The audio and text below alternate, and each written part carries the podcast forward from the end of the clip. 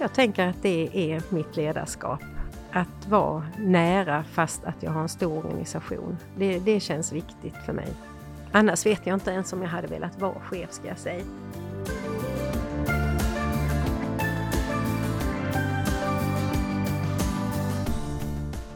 Vi möter en ledare som pratar om vikten att vara sig själv och att hon har 80 000 medarbetare trots att bara drygt 4 000 är anställda.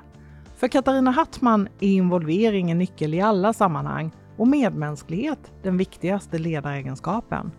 Jag heter Anna Strömblad. Det här är Region Skånes chefspodd om hur vi leder tillsammans för framtiden.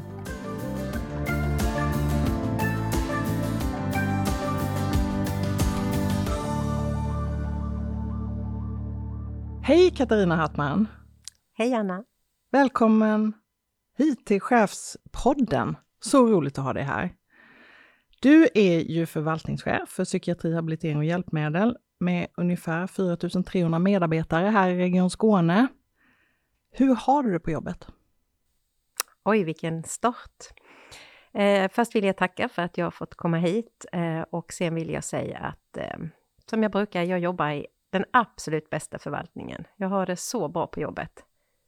Tufft, eh, mycket att göra, men eh, så, så himla härligt. Mm. Och vi ska prata mer om ditt jobb i förvaltningen och hur ni, vad, ni har, vad som ligger framför er. Samtidigt så måste man säga att idag är det ju precis två veckor sedan Ryssland invaderade Ukraina när vi sitter här och pratar med varandra. Vi vet att det är miljontals människor på, på flykt och och vi blir ju såklart alla väldigt berörda av det som, som händer just nu och som världen befinner sig i. Hur känner du att det påverkar dig? Jag tror att det påverkar mig som alla andra. Det är jätte, jättejobbigt. Man får ju bilder eh, framför sig när man hör på nyheterna som är rätt så svåra att hantera. Och eh, då ska man ju försöka vara stark i detta och hålla ihop en förvaltning. Och samtidigt märker jag ju både på medarbetare blir ju extremt berörda men jag tänker också på våra patienter som har redan sårbarheter för kanske oro och ångest. Det blir, det blir dubbelt. Eh. Och samtidigt så finns det också känslor i oss alla, tror jag, där vi är väldigt tacksamma för att vi har det rätt så bra i vårt land. Så att det, det är dubbla känslor som man bär på. Men att just hantera det, det, det är... Och sen är allt så himla sorgligt. Man tänker ju på de nu som är på flykt eller de som är, är kvar i landet. Eh, vad kan vi göra och hur kan vi organisera oss på bästa sätt och vad kan vi vara behjälpliga med? Så att det är mycket som, som vi jobbar med just nu. Mm, hur tänker du eh, att du kan hantera det på jobbet? Vi eh, är ju lite rustade, får jag ju ändå säga, efter pandemin, att jobba tajt tillsammans i en krisledning. Så att eh, vi har egentligen bara omformat den krisledningen med lite andra nyckelpersoner som vi behöver ha med. Och eh, sen har vi kört igång och, och äh, träffas regelbundet nu och, äh, och också ledningsgruppen så vi håller varandra ajour vad som händer. Mm. Vad tänker du att du och din verksamhet kan bidra med i det här? Um, ja, dels är det ju våra patienter som vi har idag där vi märker ett lite mer sökande och vi ser också redan att de uttrycker rätt påtaglig oro och ångest för den situationen som finns i Ukraina. Det påverkar dem väldigt mycket. Så att eh, där kan man ju säga att vår, eh, våra verksamheter redan har fått eh, växla upp. Men sen är det ju också vad kan vi göra för de flyktingar som kommer och då har vi ju inom barn och ungdomspsykiatrin första linjen. Där blir det aktuellt så kommer barnen att vända sig dit först, eller föräldrarna vänder sig dit med barnen. Och skulle man sen behöva specialistvård för barn och unga så har vi också ett speciellt traumateam i Malmö för barn som har upplevt då krigs och tortyr. Eh. Och när det gäller vuxna så är det ju främst primärvården i första hand, men skulle det vara så att man behöver specialistpsykiatrisk vård så är vi självklart redo där också och då blir det väl så att primärvården kommer att remittera till oss. Hur kan man tänka som ledare i en sån här situation? Ja, man får ju tänka på, ehm, eller jag, nu har jag varit här ju i Region Skåne rätt så länge och jag har ju ehm, många trogna medarbetare om man säger så. Det är, vi är ett gäng som har jobbat tillsammans rätt länge. Så att, och det känns ju väldigt skönt i sådana här situationer, man kan vila i varandra. Och eh, vi jobbar i ett ja, väldigt fint team där eh, glömmer man någonting så är det alltid någon annan medarbetare som täcker upp och det är skönt. Man kan vila i det och vara lite sig själv. Eh, för jag tror att det också är viktigt, för det är då också man känner in och, och får fram de känslorna som jag tror att man behöver eh, för att leda. Vi är ju alla inte helt rustade i detta, utan vi får ju försöka finna lösningar på de problemen som uppstår. Mm. Det här kommer ju dessutom efter två års pandemi som ju har satt väldigt hårt tryck på våra verksamheter. Hur tänker du kring det? Det är jättetufft. Ibland tänker jag så här, hur orkar man som medarbetare? Eh, att eh, jobba med vår patientgrupp tänker jag är både extremt glädjande, men det är också tufft. Man bär ju en del av patienterna och det är nog rätt så svårt att släppa det eh, när man kommer hem, för att eh, många av våra patienter är hos oss rätt så länge och kanske inte har något större nätverk, så vi blir väldigt betydelsefulla. Så att eh, men med en redan eh, sliten medarbetargrupp så ska man nu växla upp. Eh. Men jag tror ändå att i kris så vi mobiliserar på nytt, eh, för då är det några som behöver oss och, jag tror att man känner av det. Så att, och så får vi försöka hjälpas åt och strukturera verksamheten så man ändå får tillgång till vila och återhämtning. Och, och, det är väl det man skulle behöva jobba lite mer med och vi försöker ha fokus på det nu i år med, med återhämtning. För jag tror att det är de där små återhämtningarna på jobbet som är extremt eh, viktiga, som vi kanske inte riktigt har tänkt på. Att faktiskt ta en kopp kaffe ihop och sitta ner och njuta lite av det. Och, det behöver inte vara de här jättestora projekten, utan försöka hitta de här små punkterna i vardagen. Skulle du säga att det är en av de viktigaste lärdomarna från pandemin? Ja, och eh, hitta det där som är lite roligt också. Att eh, kunna skratta tillsammans och eh, bli lite tramsiga och eh, ja, bara få, bara få ha lite kul ett litet tag innan man tar ny sats.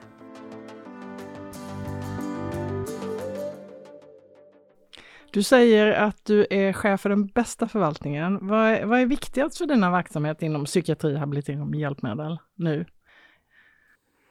Vad som är viktigast? ja, det är egentligen rätt det är många saker. Alltså, vi har jobbat mycket med inflytande och delaktighet. Jag brukar ju säga ibland att vi är inte bara drygt 4 000 medarbetare, vi är 80 000 medarbetare. Vi, alla våra patienter bidrar ju med så mycket kunskap och har väldigt mycket erfarenhet som inte vi har. Och hur mer vi tar tillvara på den, hur mer märker vi att vi utvecklas på ett mycket positivt sätt. Um, de blir mer kollegor också och inte den här känslan som kanske är lite mer makt, att man är behandlare och patient, utan vad kan vi göra tillsammans för att eh, livet ska bli lite bättre? Och eh, det tror jag har varit jätteviktigt och är jätteviktigt, för jag tycker att vi har fått in ett betydligt finare bemötande, eh, både till varandra men också till eh, våra patienter. Så att det kommer vi att jobba vidare med. Vi har ju fler peer support anställda då, alltså medarbetare med egen erfarenhet som är med och driver vår verksamhet framåt och möter också våra patienter och ger dem hopp att det finns. Det finns möjligheter att, att bli bättre och, och få nya chanser i livet. Sen har vi ju jobbat parallellt med jättemycket med utvecklingsprojekt eh, och forskning. Så att nu har vi knutit till oss väldigt många forskare och vi jobbar väldigt kliniskt med vår forskning så att det kommer verkligen patienterna till del. Det tror jag har höjt vår attraktionskraft.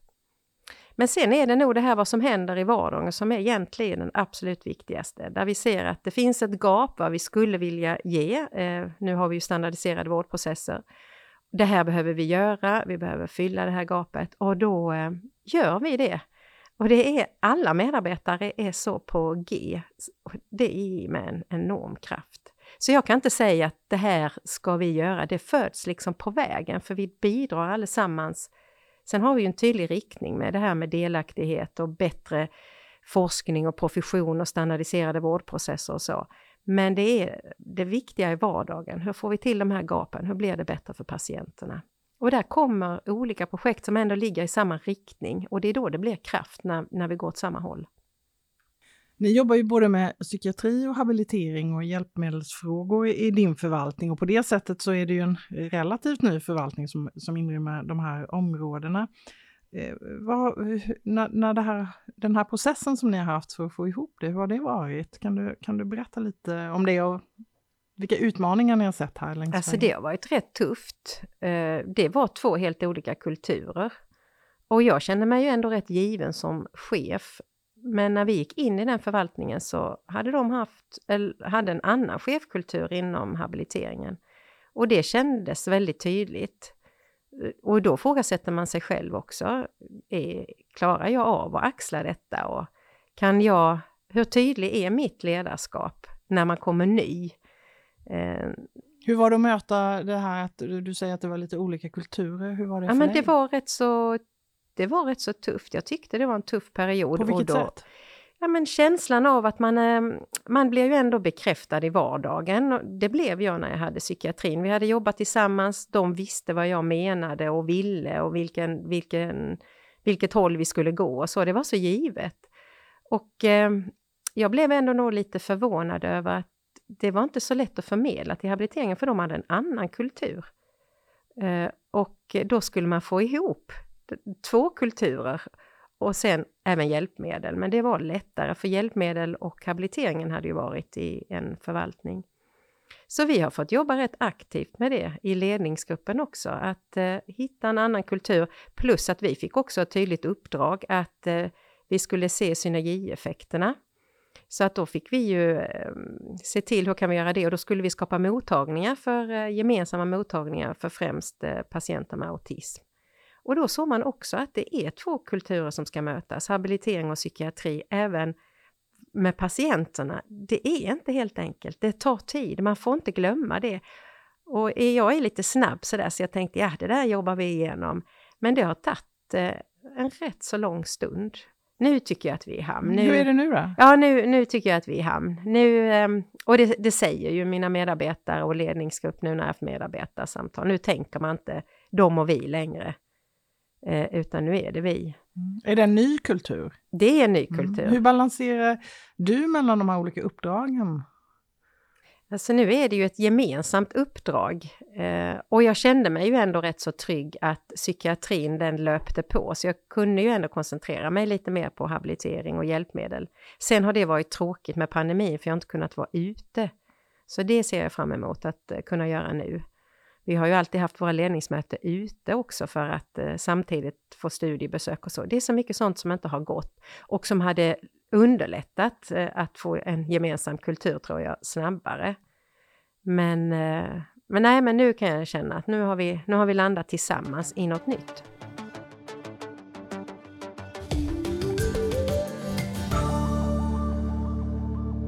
Om vi ska blicka mot framtidens sjukvård och, och, hälsa och att eh, det här att vi behöver lösa allt mer digitalt. Vad ser du för utmaningar och möjligheter i det?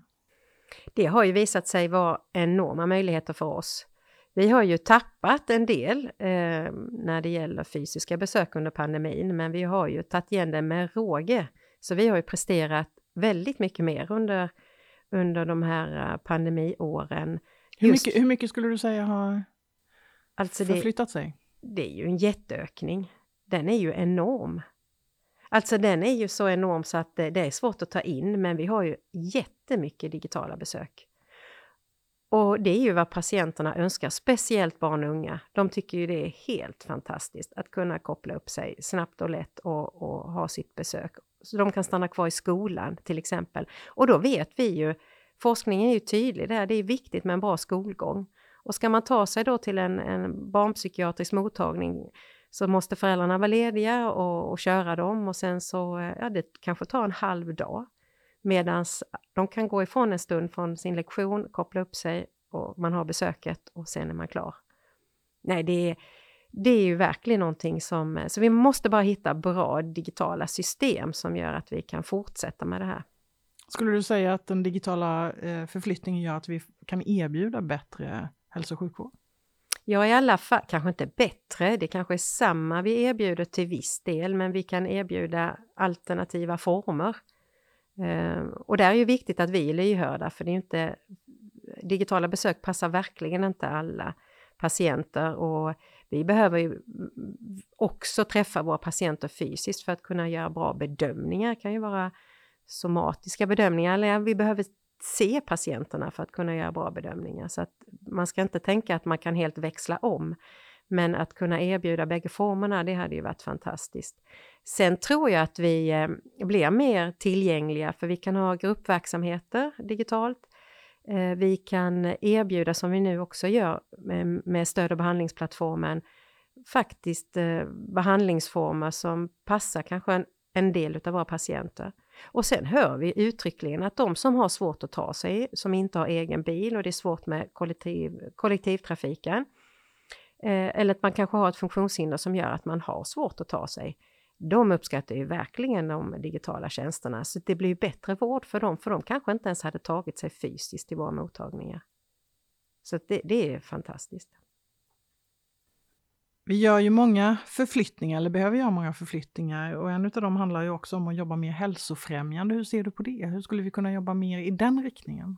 Ja, det har ju BUP, tycker jag, varit duktiga nu. Vi har ju en fördubbling av våra patienter inom barn och unga. Den, den psykiska ohälsan ökar och vi står väl inte riktigt rustade för den mängden som söker oss, så att vi har ju behövt att jobba med med ja, ja, hur kan vi erbjuda saker som gör att vi blir mer effektiva på något vis? Inom ramen för den budgeten vi har. Och där har ju BUP varit jätteduktiga eh, tillsammans med er, Anna, på kommunikationsavdelningen för att hitta eh, och det är ju lite egenvårdsprodukter. Så att man kan söka på nätet nu Eh, vad kan jag göra om jag har oro och ångest till exempel? Så får man lite verktyg själv och det kanske räcker för vissa barn. Då kanske man inte behöver söka vår första linje i första hand i alla fall, utan man kan ta hand om sin psykiska ohälsa lite själv och, och kan prata om det med kompisar och så. Och det tror jag, det är väldigt bra alternativ. Eh, och det skulle vi kunna tänka på eh, inom eh, vuxenpsykiatrin också och säkert inom habiliteringen att vad kan vi erbjuda i första steget så att säga, innan man kanske ens blir patient hos oss? Så kanske man kan lösa en del. Mm. Vi är ju rätt dåliga på att prata om det här med psykisk ohälsa, så bara det att eh, ge verktyg, att prata mer om det, kan ju lätta ens eh, oro och ångest. Mm, jag hörde nu på morgonen eh, att eh, det här, de här delarna som ni har jobbat fram också nu anpassas utifrån den situation vi har där oro hos barn och unga såklart också är väldigt stor med tanke på läget i världen och, och kriget i Ukraina. Eh, hur snabba är ni på att ställa om i sådana lägen? Jag tycker att vi är snabba på att ställa om. Vi gjorde ju det nu med de Ukraina-frågorna. Jag tycker att det är väldigt snabbt. Det hade vi inte nått ut om man tänker att vi skulle träffa alla fysiskt. Men att kunna göra eh, frågor och svar eller någonting kring aktuella händelser, det kan vi ju ändå göra rätt så snabbt. Och det, det är en fördel också med det digitala. Mm, det är lättare att kombinera då också med ja. hälsofrämjande.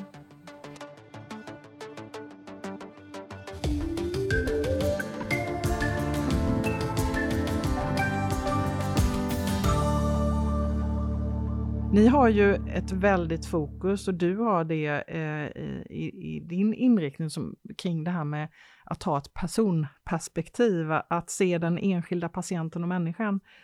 Varför, varför är det så oerhört centralt? Så jag tänker nog att det är vårt uppdrag. Och sen tror jag att eh, det är väl där vi klickar alla människor. Det är medmänskligt. Vi behöver varandra. Eh, och eh, då behöver vi också vara mer mänskliga i den relationen. På alla plan. Ja, det spelar ingen roll om man sitter i en koncernledning eller om man möter patienter. Det är, jag tror att jag är rätt så lik där. Eh, det är viktigt för mig. Oerhört viktigt. Hur kom du fram till det? Jag tror att det gör med åren. Eh, jag har varit chef i många år nu. Eh, jag var absolut nog inte så i början. Det, det tror jag inte.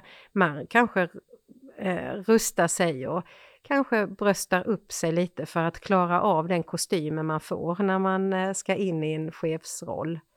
Jag är rätt glad att jag har fått möjlighet att ta ja, egentligen att börja och vara behandlare och sen enhetschef och ja, större uppdrag och större uppdrag och större uppdrag. Så att man har känt sig rätt så trygg när man ändå har fått det stora uppdrag, för man känner att nu är jag mogen att gå vidare.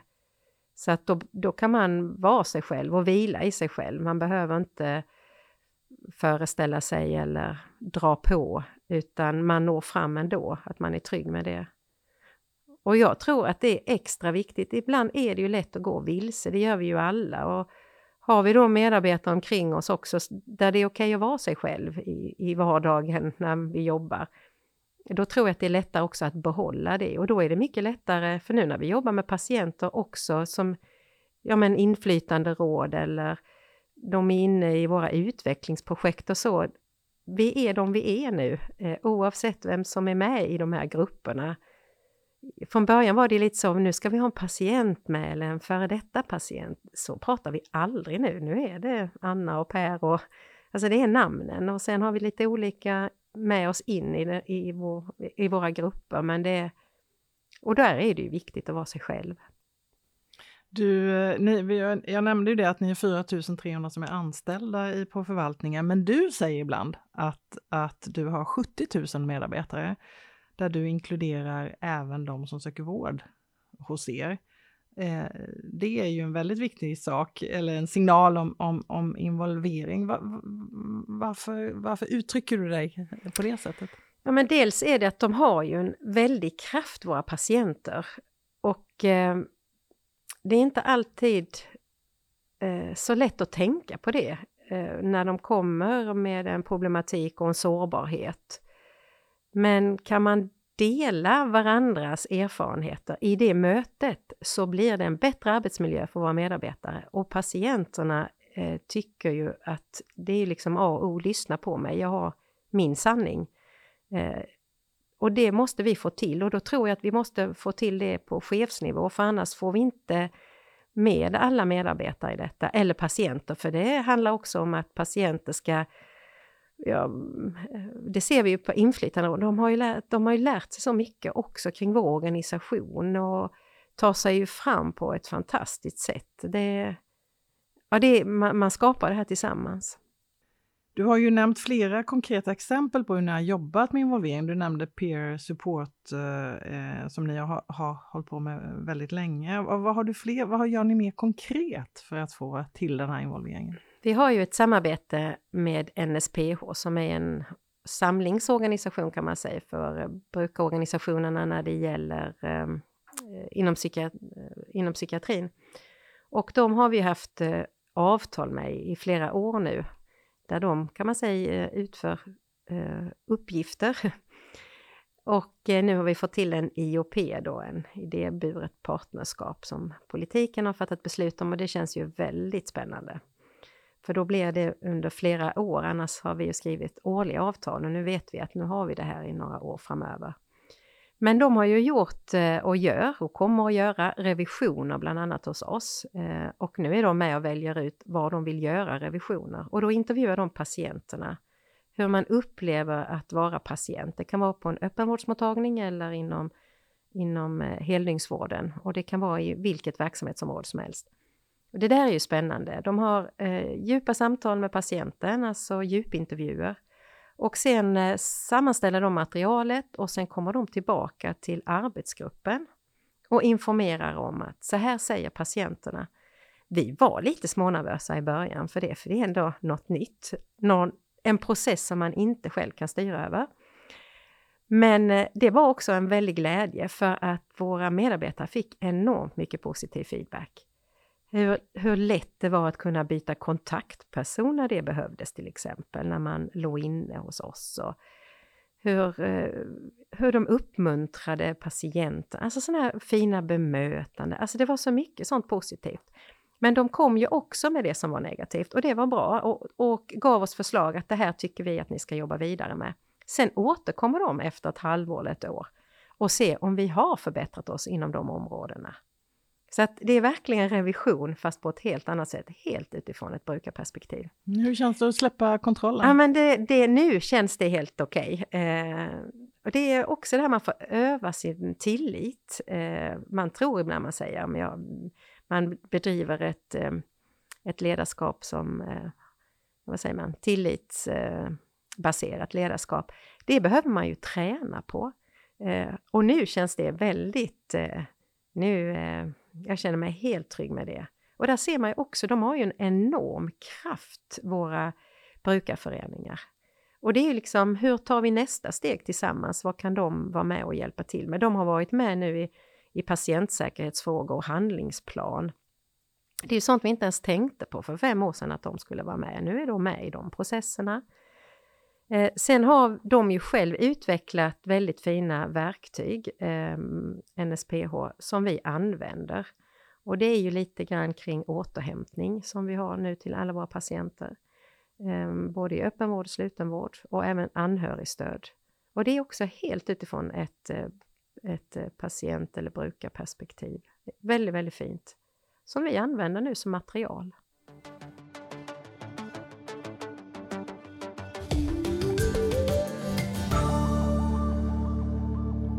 Tänkte gå över till några snabbfrågor. Mm. Eh, som du får chansen att välja. Eh, och eh, då börjar jag med en bokfråga. Deckare eller biografi? Biografi.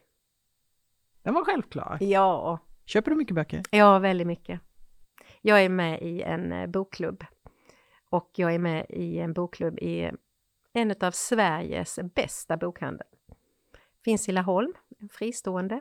Brukar alltid ge lite extra reklam för det, för de är fantastiska. Vilken var din senaste bok? Ehm, oj, jag, jag har lite olika på gång. Har du en sån Ja, hög på en hög. nattduksbordet? Eller? Mm.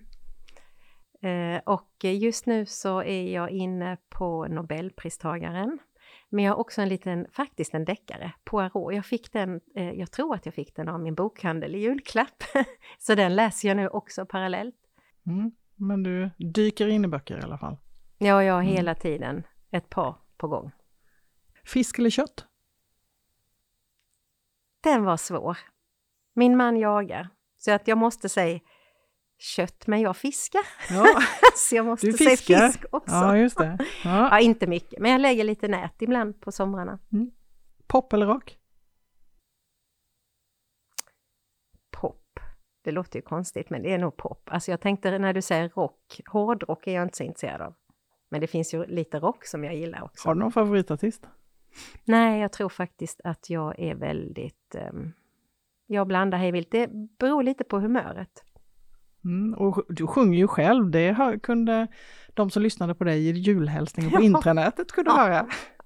Ja, det var nog mer för att... eh, ja, nej, jag vet inte vad det var. Eh, jag sjunger inte speciellt mycket. Jag gjorde det för många år sedan. Man tappar ju rösten. Det tyckte jag att jag hörde även på den där julhälsningen. Så det var mer en kul grej. Du fick lite feeling. Ja, Stadsliv eller naturupplevelse? naturupplevelse. Men jag tycker ändå om att vara i städer. Men jag vill gärna åka därifrån när jag varit där. Mm, glada eller pilgrimsfalk? Glada eller pilgrimsfalk? Det var ett svårt val. Jag försöker ju att lära mig lite om fåglar, men jag är inte så bra ännu. Har du några kryss? Nej, men jag har ju en medarbetare som är otroligt på det här med kryss. Så han har eh, väckt ett intresse i hela vår ledningsgrupp, tror jag. Mm. Nej, jag är inte så. Eh, jag försöker bara att lära mig de mest vanliga. Mm. Men du åkte till Hornborgasjön? Ja, det gjorde jag. Min man är intresserad av fåglar. Men det var ändå jag som initierade den resan och det, det är ju otroligt. Jag tror också att det där man lär sig, hur mer man är med i naturen, hur mer, eh, hur mer ser man. Det tar också lite tid. Mm. Jag behöver lära sig skilja på Ja. arter om man ska se dem. Ja, och varva ner så att man också ser. Jag tänkte vi skulle prata lite om ledarskap. Varför vill du vara chef? Nej, men ytterst tänkte jag att eh, jag skulle vilja att vården för vår patientgrupp ska bli bättre. Alltså det är nog, vad kan vi göra bättre? Och jag tycker att vi är på gång, eh, jag sa inte det innan där tror jag, men vi har ju mycket sådana här nya vårdformer, brukarstyrda inläggningar och mer eh, mobila former och vi har också team där vi jobbar tillsammans med kommunerna så att inte patienten ska känna att Nej, men här nu var det kommunen jag skulle till eller nu är det till psykiatrin jag skulle. Utan att vi jobbar mycket, mycket mer integrerat. Alltså kan jag bidra till det så att det blir lite enklare för patienter, då, då är jag glad. Eh, så att där är väl något sånt genuint. Sen är det är ju kul att, att kunna påverka. Det går inte att komma ifrån. Det är ju jätteroligt att få möjlighet att kunna påverka. Mm, vad ser du för utmaningar att, att, i ditt ledarskap, chefskap? Ja, utmaningar är ju att eh, få det förtroendet så att man kan vara kvar helt enkelt. Eh, det är ju en konst. eh, att eh, man är så pass lyhörd eh, och skapar det tillsammans så att man har en eh, ja, tillit till varandra och att, att jag får det förtroendet. Eh, så att jag kan vara kvar. Det tror jag är A och O. Den dagen jag inte har det förtroendet då har jag heller ingen makt. Så att det handlar ju verkligen om att jobba med sitt ledarskap. Mm, tillit pratar du om eh, som ett centralt eh, begrepp. Varför är det det för dig? Nej, och tillit är ju lite floskligt också. Eh, när jag tänker det här med team är oerhört viktigt. Jag tror så mycket på teamkänslan och det tror jag även om vi får till det ännu bättre i vården så tror jag vår arbetsmiljö blir, blir bättre för då behöver inte medarbetare känna att man bär någonting själv. Vi måste tänka att vi är där tillsammans och, och, och hjälper varandra. Och då kan man inkludera patienten i det, att man blir ett team tillsammans med patienten. Jag tror, jag tror på det och, det och jag tror att så är ledarskapet också. Jag hade inte varit något utan mina medarbetare. Men tillit handlar inte om att lämna över ansvaret till medarbetarna, det är det du säger? Det gör jag ju. Alltså en så här stor verksamhet så eh, eh, har ju mina verksamhetschefer en enorm eh, jobb, en ensam roll i att driva sin verksamhet. Jag är inte där och petar. Och jag har lite olika upplägg beroende på vad de känner att de har för behov. Vissa har jag regelbundna avstämningsmöten med. Vissa vill ringa mig när de behöver. Eh, och jag är helt tillfreds med det och när jag undrar någonting så ringer ju självklart jag eller ordnar avstämningsmöte. Och det är ju en tillit i det i sig, att jag tänker att eh, jag har jättebra verksamhetschefer. Och det måste man ha. Har man inte det, då måste man faktiskt byta ut dem hur tufft det än är. För det är oerhört viktigt att man har bra verksamhetschefer, annars är ju den verksamheten inte eh, funktionell. Och det är mitt ansvar att se till att jag har bra medarbetare. Mm, hur gör du då? Om du upptäcker det eller känner att det här funkar inte? Det är jätte, jättetufft. Eh, och eh, det gäller ju att ha en väldigt tydlig dialog. Då tjänar man ju på att ha en tydlig dialog hela tiden eh, med sina medarbetare så att man på något vis tillsammans kanske upptäcker eh, att eh, nu har vi kommit till en vägs ände. Eh, det är ju inte någonting som man bara kan komma på utan det är ju någonting som kanske växer fram. Och det innebär inte alltid att det är något fel på den personen, men att vi kanske inte fungerar ihop. Så att där får man ju ta på sig ett ansvar. Det handlar om det samspelet som kanske inte fungerar. Och, och då får man ändå välja att det är jag som leder verksamheten och det måste funka och då får jag på något vis ta ansvar. Vilka är de viktigaste ledaregenskaperna skulle du säga?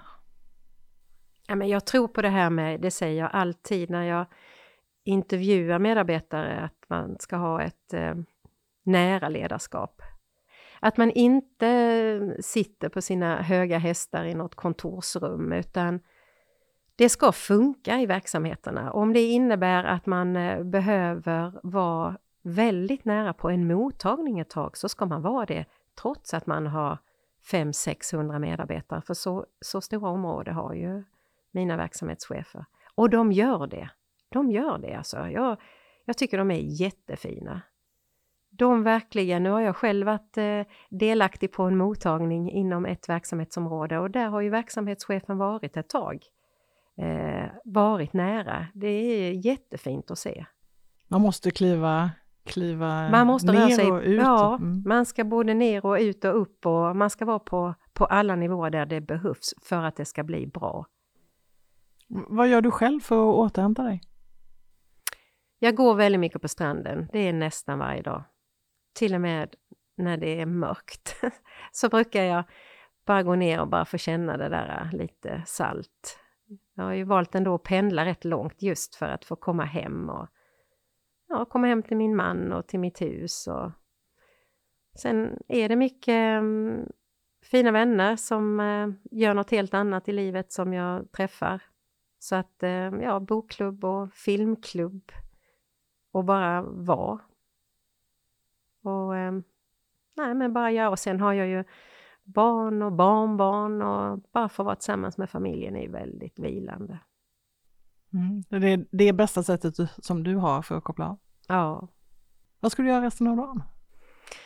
Eh, resten av dagen? Ja, vi ska lösa en liten sån eh, kring våra fonder, hur vi bäst tar hand om dem och hur vi bäst beslutar kring dem.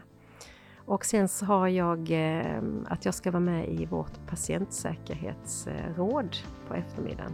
Det blir väldigt spännande, jag har inte varit med där på ett tag. Så det är massa möten som väntar dig helt ja. enkelt? Tack snälla Katarina för att du kom och ville vara med. Tack! Tack för att jag fick vara med.